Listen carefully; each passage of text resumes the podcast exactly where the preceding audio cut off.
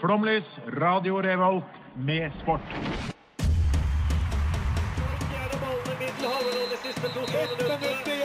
Norge leder mot Brasil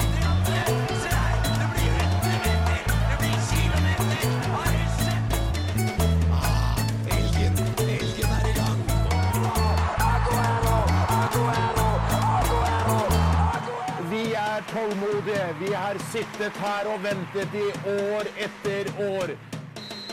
Du hører på Flomlys på Radio Revolt. Riktig! God tirsdag til alle dere Onsdag heter det! Nei, nei, nei, nei, onsdag, motherfucker! Vet du, Jeg tenkte på det, jeg skulle ikke si feil, for jeg holdt jeg, i mitt eget hode tenkte tirsdag. Så tenkte jeg nei, det er onsdag, vi har sendinger nå. Det er eh, gammel vane er vond å vende. Eller gammel dame vond å vende, Daniel.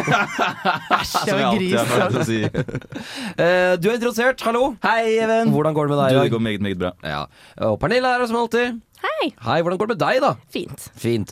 Eh, Herman har bytta litt utseende i dag. Fått ny stemme og ikke minst program. Eh, noen vil mene at vi har bytta han ut fullstendig, og det stemmer. Fordi eh, Hvem er det vi Ja, har i studio i dag? det er meg, Thea.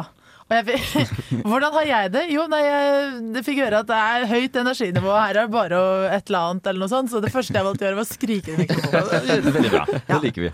Eh, Herman eh, Nå prøvde jeg å finne på det. Jeg kommer ikke Herman er ikke her. Er Eh, fordi Men I har tatt dialekten til. På hun, da. Ja, det er I. I, veldig viktig å si I. I eh, kjempeviktig. Men eh, for de som har hørt på Radio Revolt kontinuerlig, så er ikke dette noen overraskelse. Fordi eh, vi har en egentlig sånn duosending i dag, med Flomlys og Snevert. Og det er derfor du er her, Thea, for du er med i Snevert. Det stemmer. Er jeg det, ja? Gratulerer. Ja, takk. Jeg er veldig fornøyd med det programmet. Så bra. Eh, så egentlig så skal vi da snakke litt om tema, for da, i dag er jo egentlig bare snevre, sære Alt Vi skal bare snakke, med, eh, snakke om idretter og ha med oss den snevreste personen vi kjenner. Eh, men Du skulle sett, da. Vi skulle, skulle sett. Men før vi gjør det, eh, så har jeg lyst til å høre på musikk. Låta du skal få inn i ørekanalene dine, det er Rick Grove med 'Thankful'. Jeg heter Drillo. Jeg hører på Flomlys på Radio Revolt.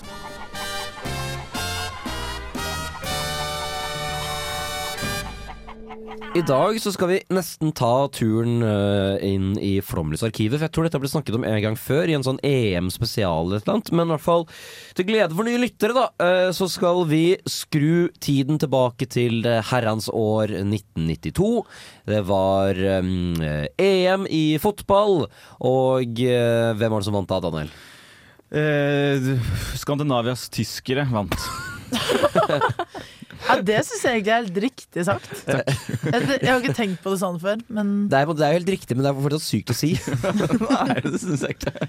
på hvilken måte? Det kommer an på hva du mener med tysker. på en måte Eh, sånn, For det første så ligger de jo så å si i Tyskland. De Ja. har jo samme kultur. De spiser pølser Og de snakker like drikker styrt. øl. Snakker stygt Nei, begge de deler. stygt. De Nei, vet du hva jeg trenger tilbake? Jeg har jo begynt å like dansk. Naturen er jo Nord-Tyskland. Det er jo ikke, ska- det er ingenting med Skandinavia i hvert fall, så noe annet må de ha. Nord-Tyskland. Det var flott. Skjønte jeg ikke. Nei, eller, Ikke jeg heller. At du kan så mye om Tysklands geografi. At du kan, å, å, det er som Nord-Tyskland. Vi går videre, fordi eh, grunnen til at vi skal snakke om dette her, det er kanskje den raskeste regelendringen i fotballens historie. Bang, sa du, så var det Ja, men det gjorde det faktisk det. Fordi at eh, ting tar som regel tid når du skal endre regler. Ikke sant? Du skal ha råd og styre, og du skal måtte få ja, mye greier. Dette her gikk altså så rasende fort igjennom, fordi det danskene gjorde, var at de fant et smutthull i regelverket. Fordi i dag, eh, alle som eh, Vi er jo født etter 1992, eh, så vi er da vokst opp med fotballregelen om at eh, når en eh, egen spiller kan ikke Eller keeper kan ikke ta ballen med hendene når passingen kommer fra egen spiller, med mindre ballen sendes med hodet. Uh, dette var ikke en regel da, uh, så det vil jo si at Danmark de hadde to særdeles gode spillere på topp. De hadde Mikael og eh, Brian Laudrup. Uh, og det var det. De kunne skåre mål, og så var det verdens mest kyniske taktikk. Pernille, du har jo sett dette her. Beskriv hva er det danskene gjør. Nei, de sender ballen bak til keeper, og så tar keeper ballen opp. Og så, når det kommer en spiller sprengende mot ham, så legger han opp på bakken, og så skyter han fram igjen.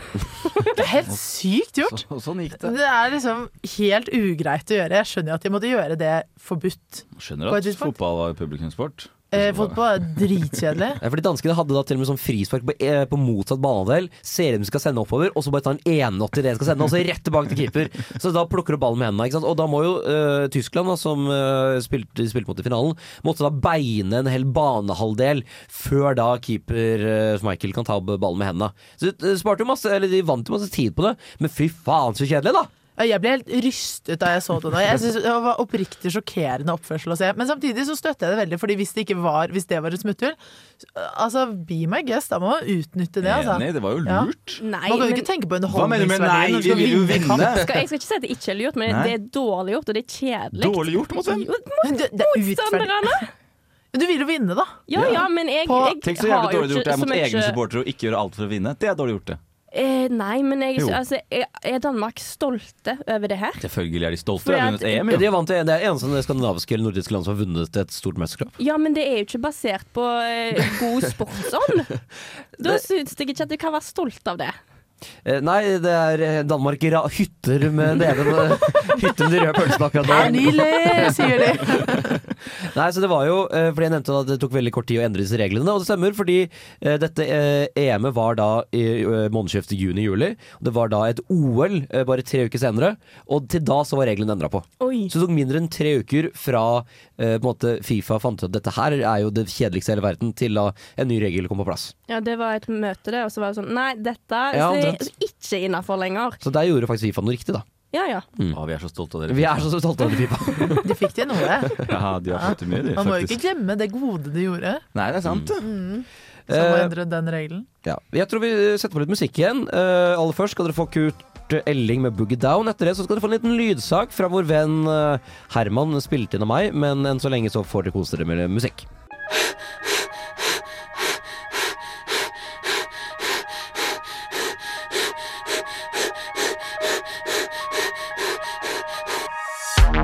Løper vi for å løpe? En historisk og filosofisk diskusjon om hvorfor maraton er en greie. Det begynner i år 518 før vår tidsregning. I Persia føder Atossa, datteren av Akamenide-dynastiets grunnlegger, en sønn. Dette barnet døpet til Serkses, den første av sitt navn.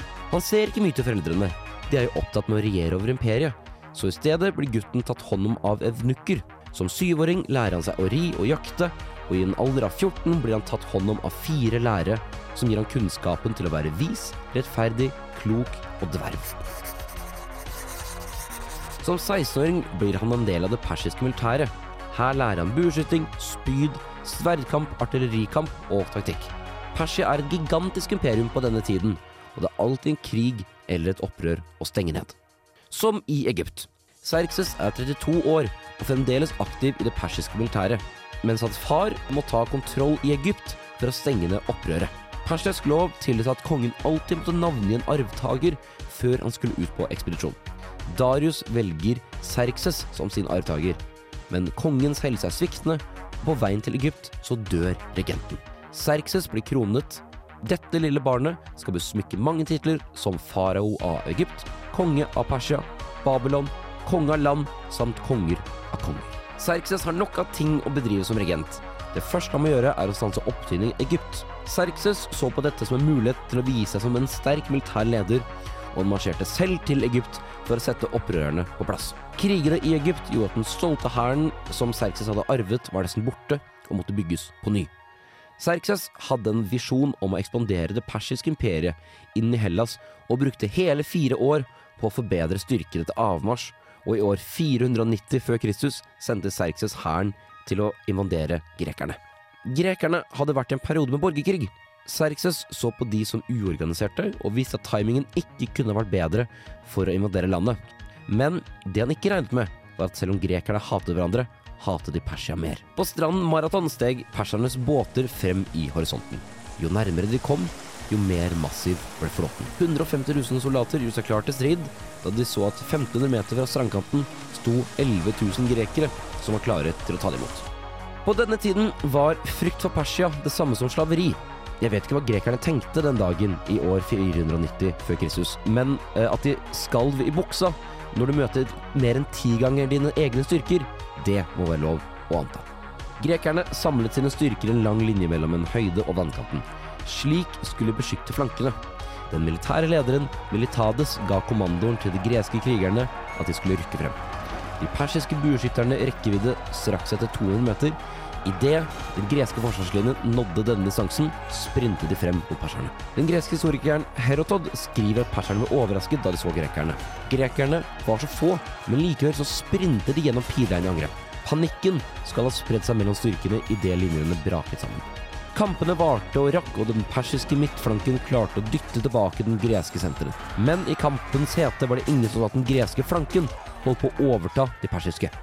Flankene til perserne brøt, og grekerne hadde omringet perserne, som nå brøt ut i panikk og begynte å springe mot skipene. Disse skipene var parkert innerst i bukta, noe som gjorde at de måtte gjennom en enorm sump for å nå dem. Dette gjorde at de greske styrkene fikk en enkel jobb å slakte ned de flyktende perserne.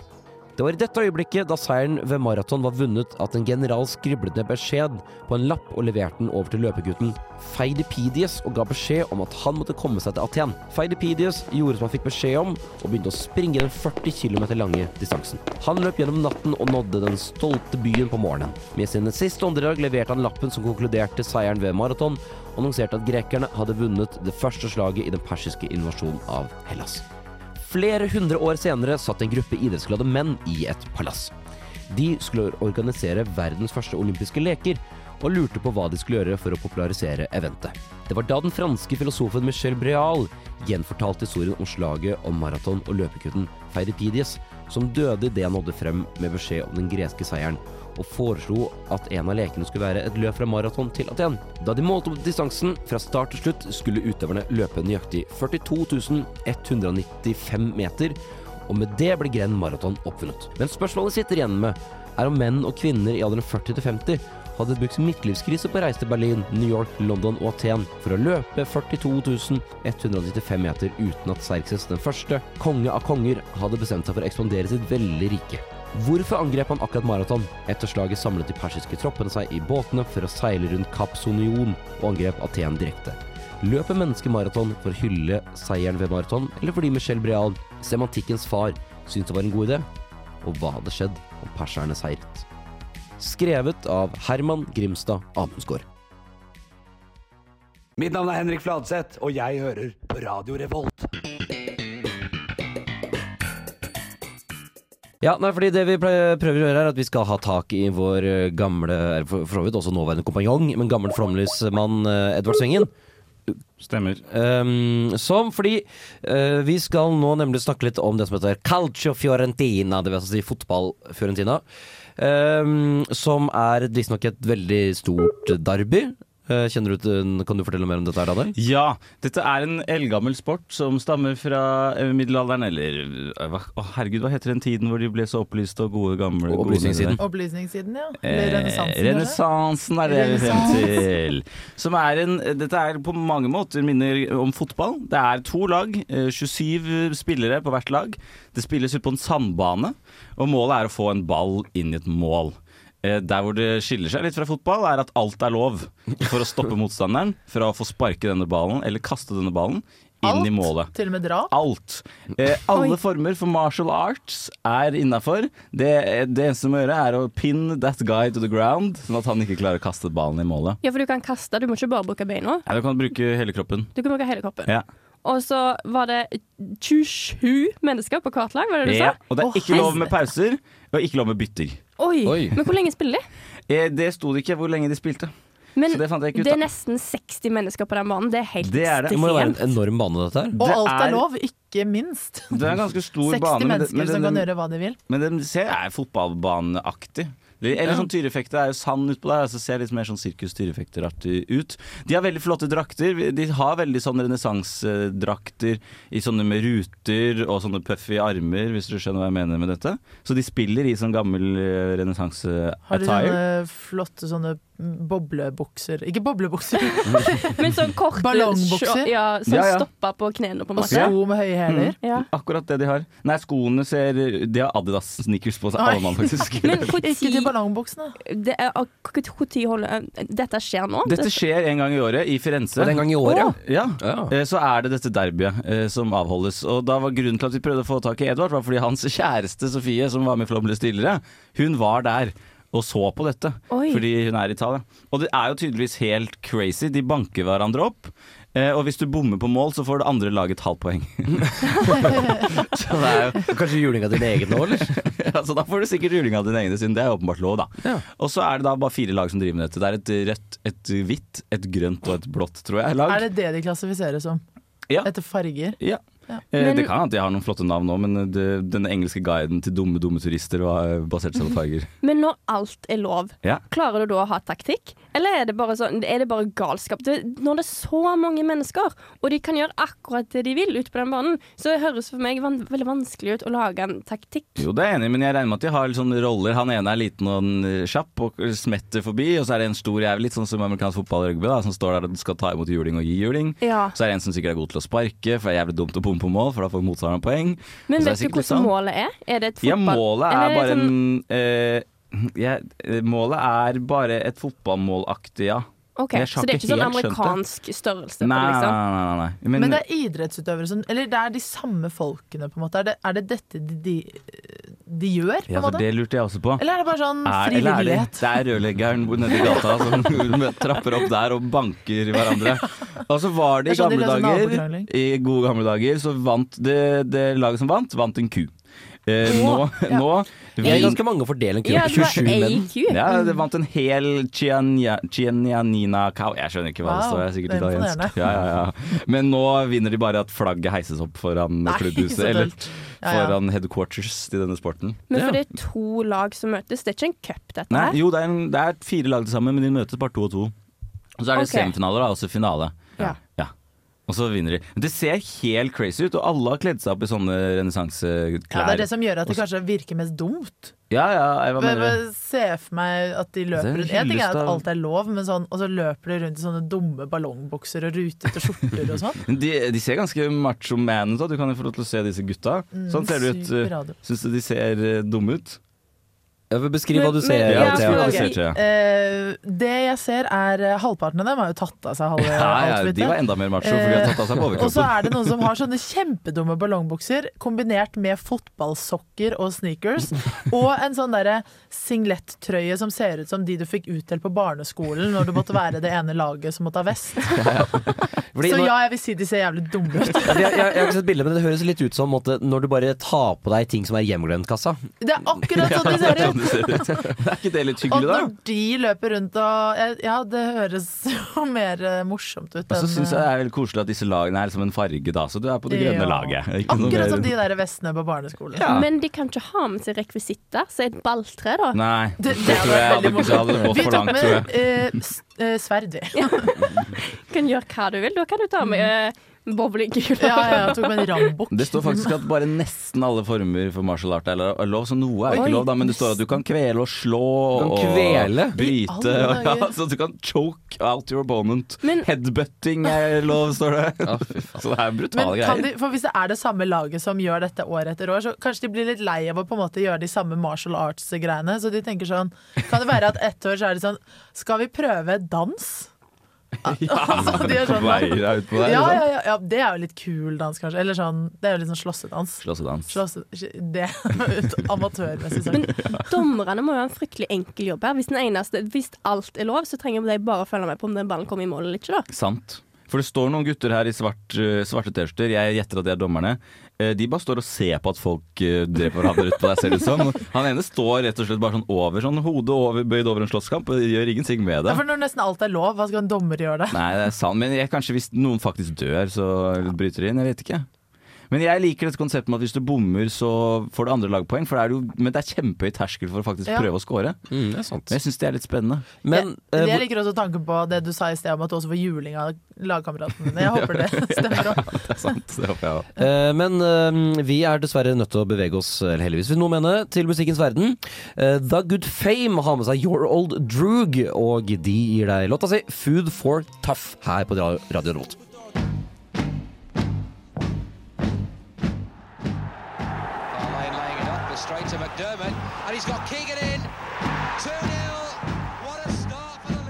Kevin Keegan. I'm in Norway and I'm listening to Flumleys. It's terrific.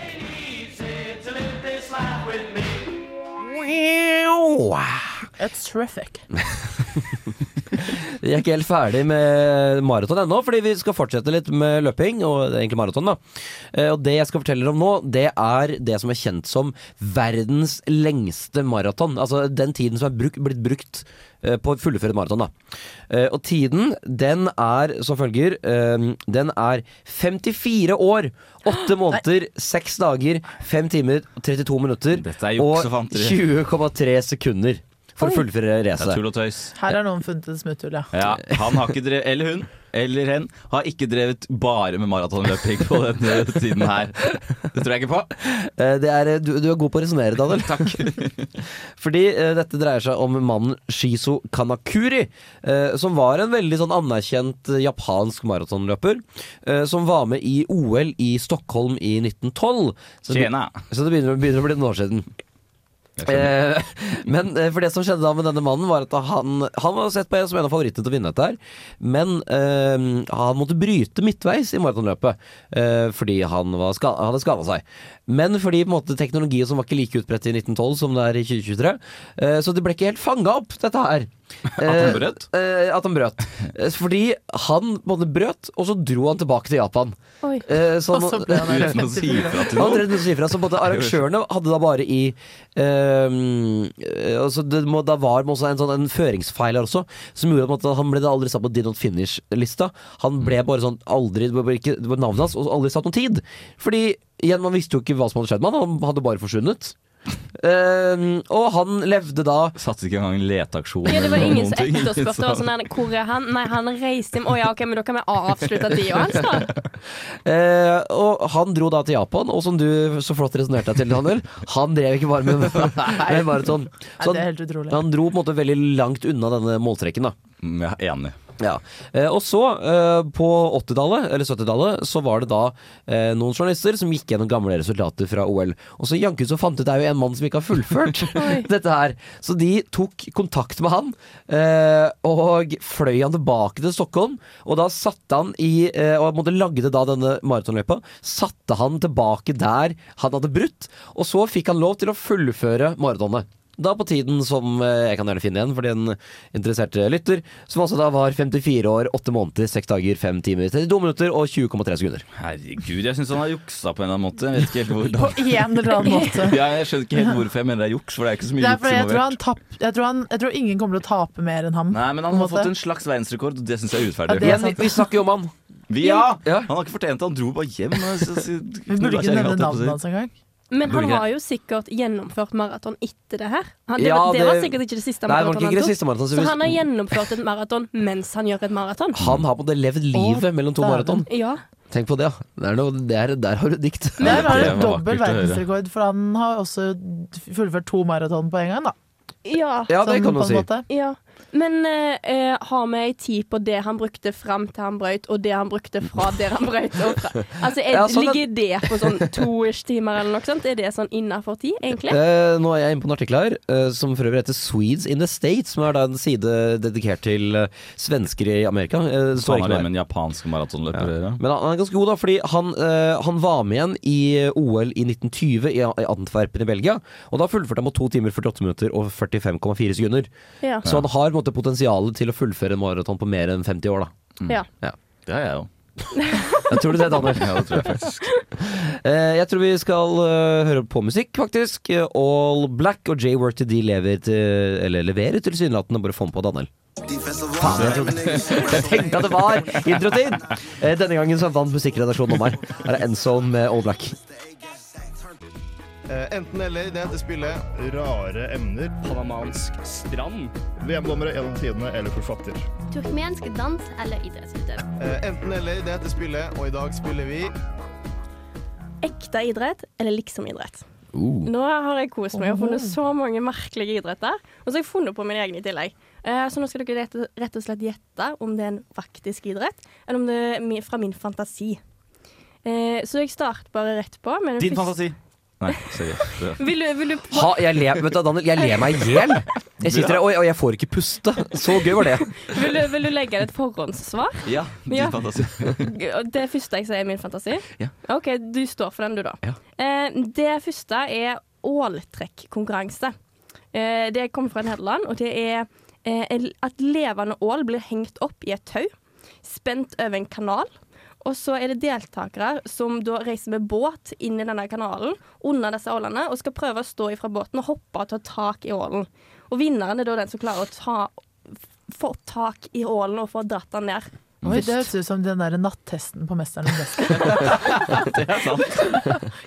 OK. Eh, og så har vi den andre, da, som eh, enten er ekte eller som er mitt påfunn. Og det er Skal skal vi ikke gjette på den første først? Nei, dere skal gjette mellom to stykk. Den ok. ene er ekte, den andre er mitt okay. påfunn. Så det er åltrekkonkurranse, den første. Den andre er blodiglesamling. Og der er altså poenget da at deltakerne går ut i vannet, og så skal de stå i vannet i 20 minutter, og så skal de opp igjen. Og så den som har klart å fucke mest blodigler på kroppen sin, den vinner. Hvor er det fra, da? Hvilket land? Eh, Det er fra Skottland. Mm. Og de, den ene Det er ikke er blodigler i Skottland. Nå finner du bare på. Ja, det er selvfølgelig er det. En av de er funnet på, en av de er ekte. Ja, jeg tror ja. blodigle er funnet på, fordi det er så opp til tilfeldighetene hvem som Eller ja, nei, det er jo kanskje ikke det. Det Det er det svarte N- Nå er du jævlig vanskelig her, Daniel. okay, men da Ja, skal ikke vi det pakke min rolle, sakene da? Nei, eh, for det er sånn Jeg bare går uti og håper at blodiglene tar meg. Men åltrekking derimot, det, det er litt mer innsats. Jeg tror at åltrekking er den ekte idretten, og så er denne iglesporten er din, ditt, eh, din fantasi. Mm. Jeg svarte jo før Ja, du begynte, så jeg har på en måte allerede Eh, det er ålkonkurranse som er ekte. ja, Ah, ingen, yes. deilig. ingen enorm overraskelse, egentlig. Men jeg var litt for rask på avtrekkeren. Neste konkurranse er eh, barkrensing, som handler om at deltakerne får en stokk, og så skal de få av barken og få en helt ren stokk så fra? fort som mulig. Det vet jeg ikke. Jeg hang meg opp at du sa hvor Åltingen Ja, var fra. det, det er kun én idrett som jeg vet hvor er fra. Ja, det var Åltingen. For da tenkte jeg jo det må jo være denne du ikke har laget selv, siden du visste landets org... Ja, du skjønner hva jeg vil. Barkrensing, nummer, sport nummer én. Sport nummer to er revekasting. Som da handler om at eh, en skal ha to stykk som holder hver sin ende av et tau som ligger på bakken, og så holder en det opp. Og når det springer en rev over dette tauet, så drar en til i hver sin ende, sånn at denne reven fyker opp i lufta. Og er det konkurranse da om å få den til å gå høyest? Ja. Eller lenger? Ja. Det Og hvis den, stemmer. hvis den lever når den lander på bakken, da har du tapt. Eh, Det tror jeg ikke har så mye å si. Da har det ikke vært høyt nok. Da vet du. Jeg tror at barkpelling er den ekte idretten, og revekasting er den falske. Ja. Eh, ja, vær så god. Thea. Jeg vil si at barkpelling også er den ekte. Mm. For jeg vil slenge meg på den, for jeg tror virkelig at det er den ekte. Ja, det høres ut som en veldig ekte idrett. Ja, Jeg syns jo den andre er jo helt sjuk i huet å gjøre mot en stakkars rev. Men jeg syns det var godt tenkt, det, Pernille, så jeg går for at den er ekte. Ja, det, det er den ekte. Nei! Oi, er det sant? Det er, nå skal ikke jeg si 100% sikkert at det ikke finnes en Nei, barkerensekonkurranse. men, nei, men det er lov. Men Det gjør det eh, denne revekastekonkurransen Den har eksistert helt fram til de fant ut at nei, dette er kanskje dyreplageri. Kanskje. Eh, men de var, de var innom rever, og de var innom harer og litt sånn forskjellig, før de fant ut at dette er kanskje Men ikke det greit Det høres jo bare ut som de mobber reven. Det er jo det de gjør. De Ja. mobber reven. De sånn ha, din dust. Men jeg, hvilken lyd lager egentlig reven? Nei, jeg vet. Sånn sier den. Er det når vi skal synge sangen? Ja. Én, to, Gå videre, du, Pernille. Ja. Vi kan ha en til. Eh, Cobber tossing, som er å kaste eh, enorme trestammer mens en har på seg kilt. Og det er om å gjøre å få denne trestammen til å snu seg og eh, lande oppreist. Så du scorer da poeng for hvor rett denne her trestokken er. Eh, den andre er toe competition, som handler om at det er én person som skal gå fem meter, mens han har personer hengende etter seg. Og du skal da prøve å omgjøre av så mange mennesker som mulig hengende etter deg på disse fem meterne. Ja, dette, her vet jeg fasiten. Ja. Jeg vet også fasiten. Det Oi. er en Da kan skål. Ja, men da Thea- kan vi- Thea- Ja, for jeg aner ikke. Jeg syns at begge høres kjempedumme ut. Nei, eh, altså den der siste du snakket om, hvor de må henge, folk må henge etter dem, hørtes for omfattende ut. Jeg føler det er hjernen din som har jobbet på spreng for å finne på en absurd sport, så jeg tror jeg må gå med den kilt-stammegreia. At det er den ekte. Ja. Nei, at, ja, at det Den, Var det det jeg ble enig om med Det var det du argumenterte for, i hvert Ja, fall. da går jeg for det. Ja, jeg slenger meg på Thea. Det er den som er ekte. Ja, jeg vet også den ekte. ja, det var jo kjedelig at dere visste det. Da. Ja, beklager. Men da kan vi ta en Ja, da, vi kan rase gjennom en siste. En siste. Den er, Det er antilopemøkkspytting, som handler om at en skal spytte antilopeskit så langt som mulig. Eller hønsekasting, som handler om at du holder ei høne, og så skal du kaste denne høna, så det er om å gjøre for den til å fyke lengst mulig før han treffer bakken. For høner er ikke så flinke til å Så fyke. er det mye dyr det er involvert her. Jeg spytter antilopedrit. Nei, det tror jeg er fake. Spytte antilopebæsj. Det tror jeg ikke på. Nei? Eller jeg tror mer at den hønsegraden høres, høres litt realistisk ut. Ja. Jeg tror det er de spytter. ja. Eh, Jeg tror også at eh, Jeg tror hønsekasting er ekte. Ja, det er antilopespyttkonkurranse. Ja da, motherfuckers! de fant på det mens de var på jakt og venta på denne antilopa. Ta den, det blir likt dere. Jeg tror, eh, det blir kanskje det. Eh, Her kommer Samar Joey Joy med Sweet Pumpkin.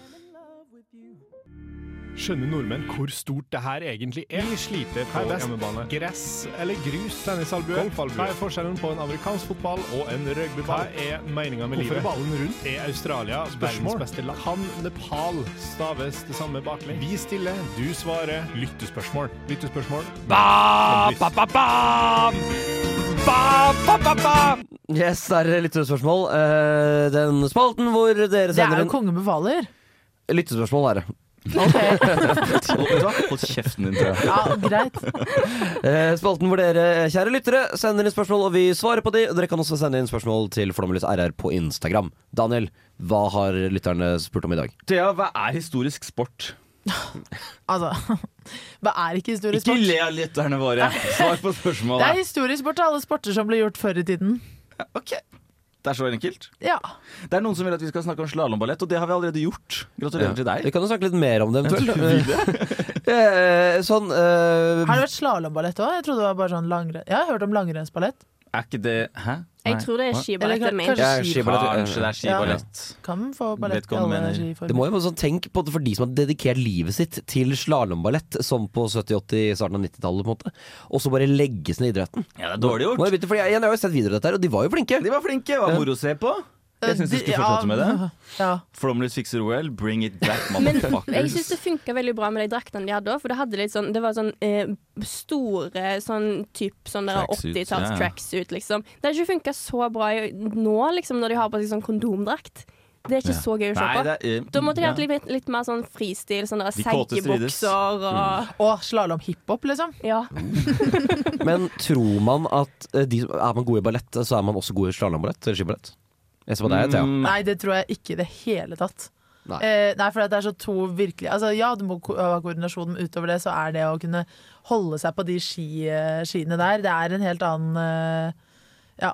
Ja, en for annen teknikk enn dans, og dans en annen teknikk enn ski. Ja, for det hjelper liksom ikke å være så mjuk og flink til sånne ting når du skal koordinere det med to dritlange ski. Ja, så du skal og du står nede en bakke i eh, 18 km i timen. Jeg vet ikke hvor mange kilometer i timen en slalåmløper kjører. jeg. De som kjører fort, Fem? kjører Fem! Nei. vi, går- vi går videre. vi må gå videre. Så er det noen som lurer på om de spilte noe gøy i middelalderen. Og Vi har jo allerede snakket om hva de drev med i Firenze, men kan dere komme på noe annet gøy de drev med i middelalderen? De hadde jo hest, sånn jousting. Er ikke det en sport? der tok du ordene rett ut av munnen på meg, altså.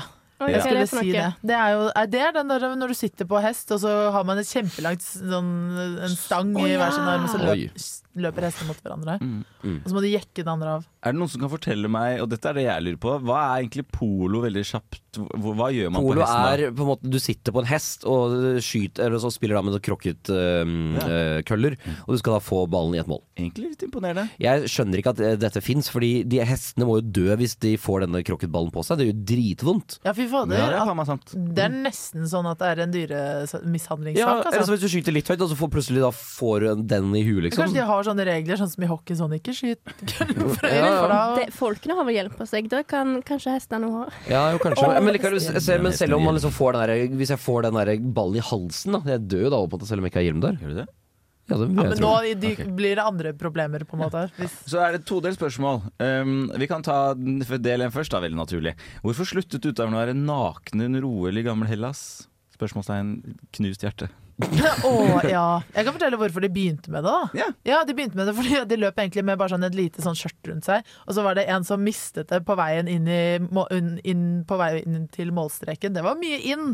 Eh, ja, Og så ble folk sånn Å, det er helt sjokkerende at han er naken, og det var mye drama. Så fant de ut at alle burde bare være nakne, så er ikke det noe problem. Ja, for da er det ikke problemet at noen mister Ja, klærne sine. eller at noen blir sjokkert, eller eh, Ja. Men hvorfor de sluttet, aner ikke. Sikkert at de spiste av uh, det derre eplet i Edens hage også. Ja, jeg, jeg, sånn Olympiske leker slutta jo sånn da i gamle Hellas, og så begynte igjen i 1896. da Så det var vel at klær var ganske mye mer utbredt i Det 1896. hadde skjedd noe på den tida. Ja, det hadde det. Ja. Men vedkommende lurer også på om det hadde vært flere som så på OL dersom de fortsatt var nakne. Det tror jeg jo er Kanskje en annen gruppe, i hvert fall. Ja, det er ikke de samme menneskene. Ikke de som er mest Vet du hva, Jeg tror faktisk det er veldig mange av de samme. Kanskje Ja, men samtidig så er det jo, øh, for jeg som har sett Iskrigerne, dette TV-programmet om uh, Vålerenga hockey, så er det jo veldig mange som er i hallen når de skal ha sånn strippestraffer. Som er at hvis du bommer på straffe, og du bommer, så må du ta av deg et plagg. Og det er da folk som vi kommer for å se på en sånn at disse gutta blir nakne.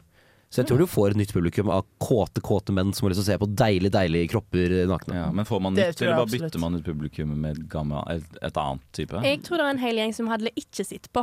Ja, det er jeg tror det er veldig mange av dem som hadde blitt værende. Jeg tror det er mye grisete, grisete Det kan jo, mennesker jeg, jeg hadde nok kanskje personlig sett på flere idretter, ikke sant? for jeg er jo glad i idrett, men sånn, jeg gidder jo som regel ikke å se på synkronstupping. Kanskje jeg hadde sett på litt synkronstupping òg? Hvis de var nakne? Ja. Det tror jeg faktisk du hadde gjort. Har du noen favorittutøvere? Da, og her kan du jo virkelig velge Jo, fra alt som er. Fy faen, Thea. Det er så usmakelig, Takk for meg. Jeg, jeg, nei, jeg er veldig glad i eh, Tidenes Olympia, Marit Bjørgen. For Ja. Hun er så koselig, hun er så jovial, hun er så, hun er sånn fin dame, liksom. Sånn bra, bra menneske. Herregud, gift Og med det- henne hvis det er så jævla Jo, men det er jo noe av det som jeg setter veldig pris på i, på en måte, i sportens verden, er at du ikke er sånn Petter Northug-type. At du er sånn Du er ydmyk og et bra menneske. Og det er Marit Bjørgen. For flott dame. Jeg er enig med deg, egentlig. Ja, Min er er. Ole Einar Bjørndalen, for jeg er spinn gæren. Og det liker jeg. Herregud, for en dedikert mann. Uh, Jonny Furdal sier jeg en, øh, min favorittspiller på Viking. En tidligere favoritt. Ja. Har du en til? Uh, ja, altså på ekte Nei, Jeg vet ikke. Kanskje Jeg tenkte Johan Olav Koss fordi at uh, moren hans var uh, jordmor og tok meg imot da jeg ble født. Så, um, jeg syns at han er en, en fremragende mor. Ja. Og Veldig god i 90-graderen. Har du ett til, Daniel? Litt Ja, kjapt? eh, før var det innafor å dope idrettsutøvere, og de presisterte sterkt. Burde vi ha et eget mesterskap hvor det er lov å dope seg? Ja. Nei. Eh, definitivt ja, selvfølgelig. Svaret. Uh, Lilly80 uh, skal gi deg musikk igjen her på favorittprogrammet ditt, Flomlys. Drive Me Crazy heter den. Ακούτε Flumlis, το καλύτερο αθλητικό ραδιόφωνο στην Νορβηγία. Πάμε Παναθηναϊκέ! Den er lenge siden vi har hatt, Daniel. Ja, det er det. Ja. Eh, vi er jo nå i dette berømmelige ha det-stikket, og da gjenstår det egentlig bare å, spesielt å si ha det til én person, og det er deg, Thea. Åh, Hvordan har det vært å være en del av sportsgjengen? Kjempegøy. Jeg har lært masse om sport. Ja, vi har også lært Ikke si det ironisk. Ja, det er gøy. Jeg snakker ikke så mye om sport, men det er jo spennende, da. Mm. Det er jo et interessant tema.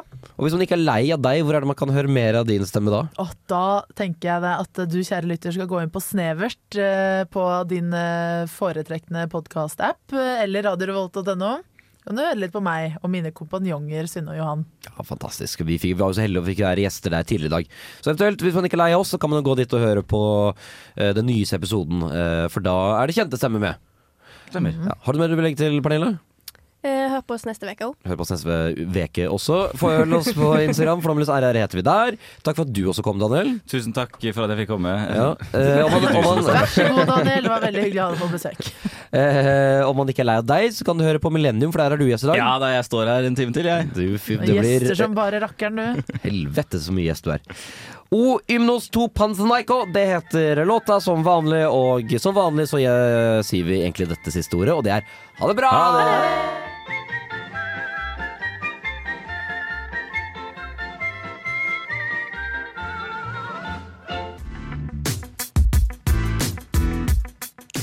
Du hører nå på en podkast fra Radio Revolt, studentradioen i Trondheim. Du kan sjekke ut flere av våre programmer på radiorevolt.no, eller der du finner podkast. God lytting!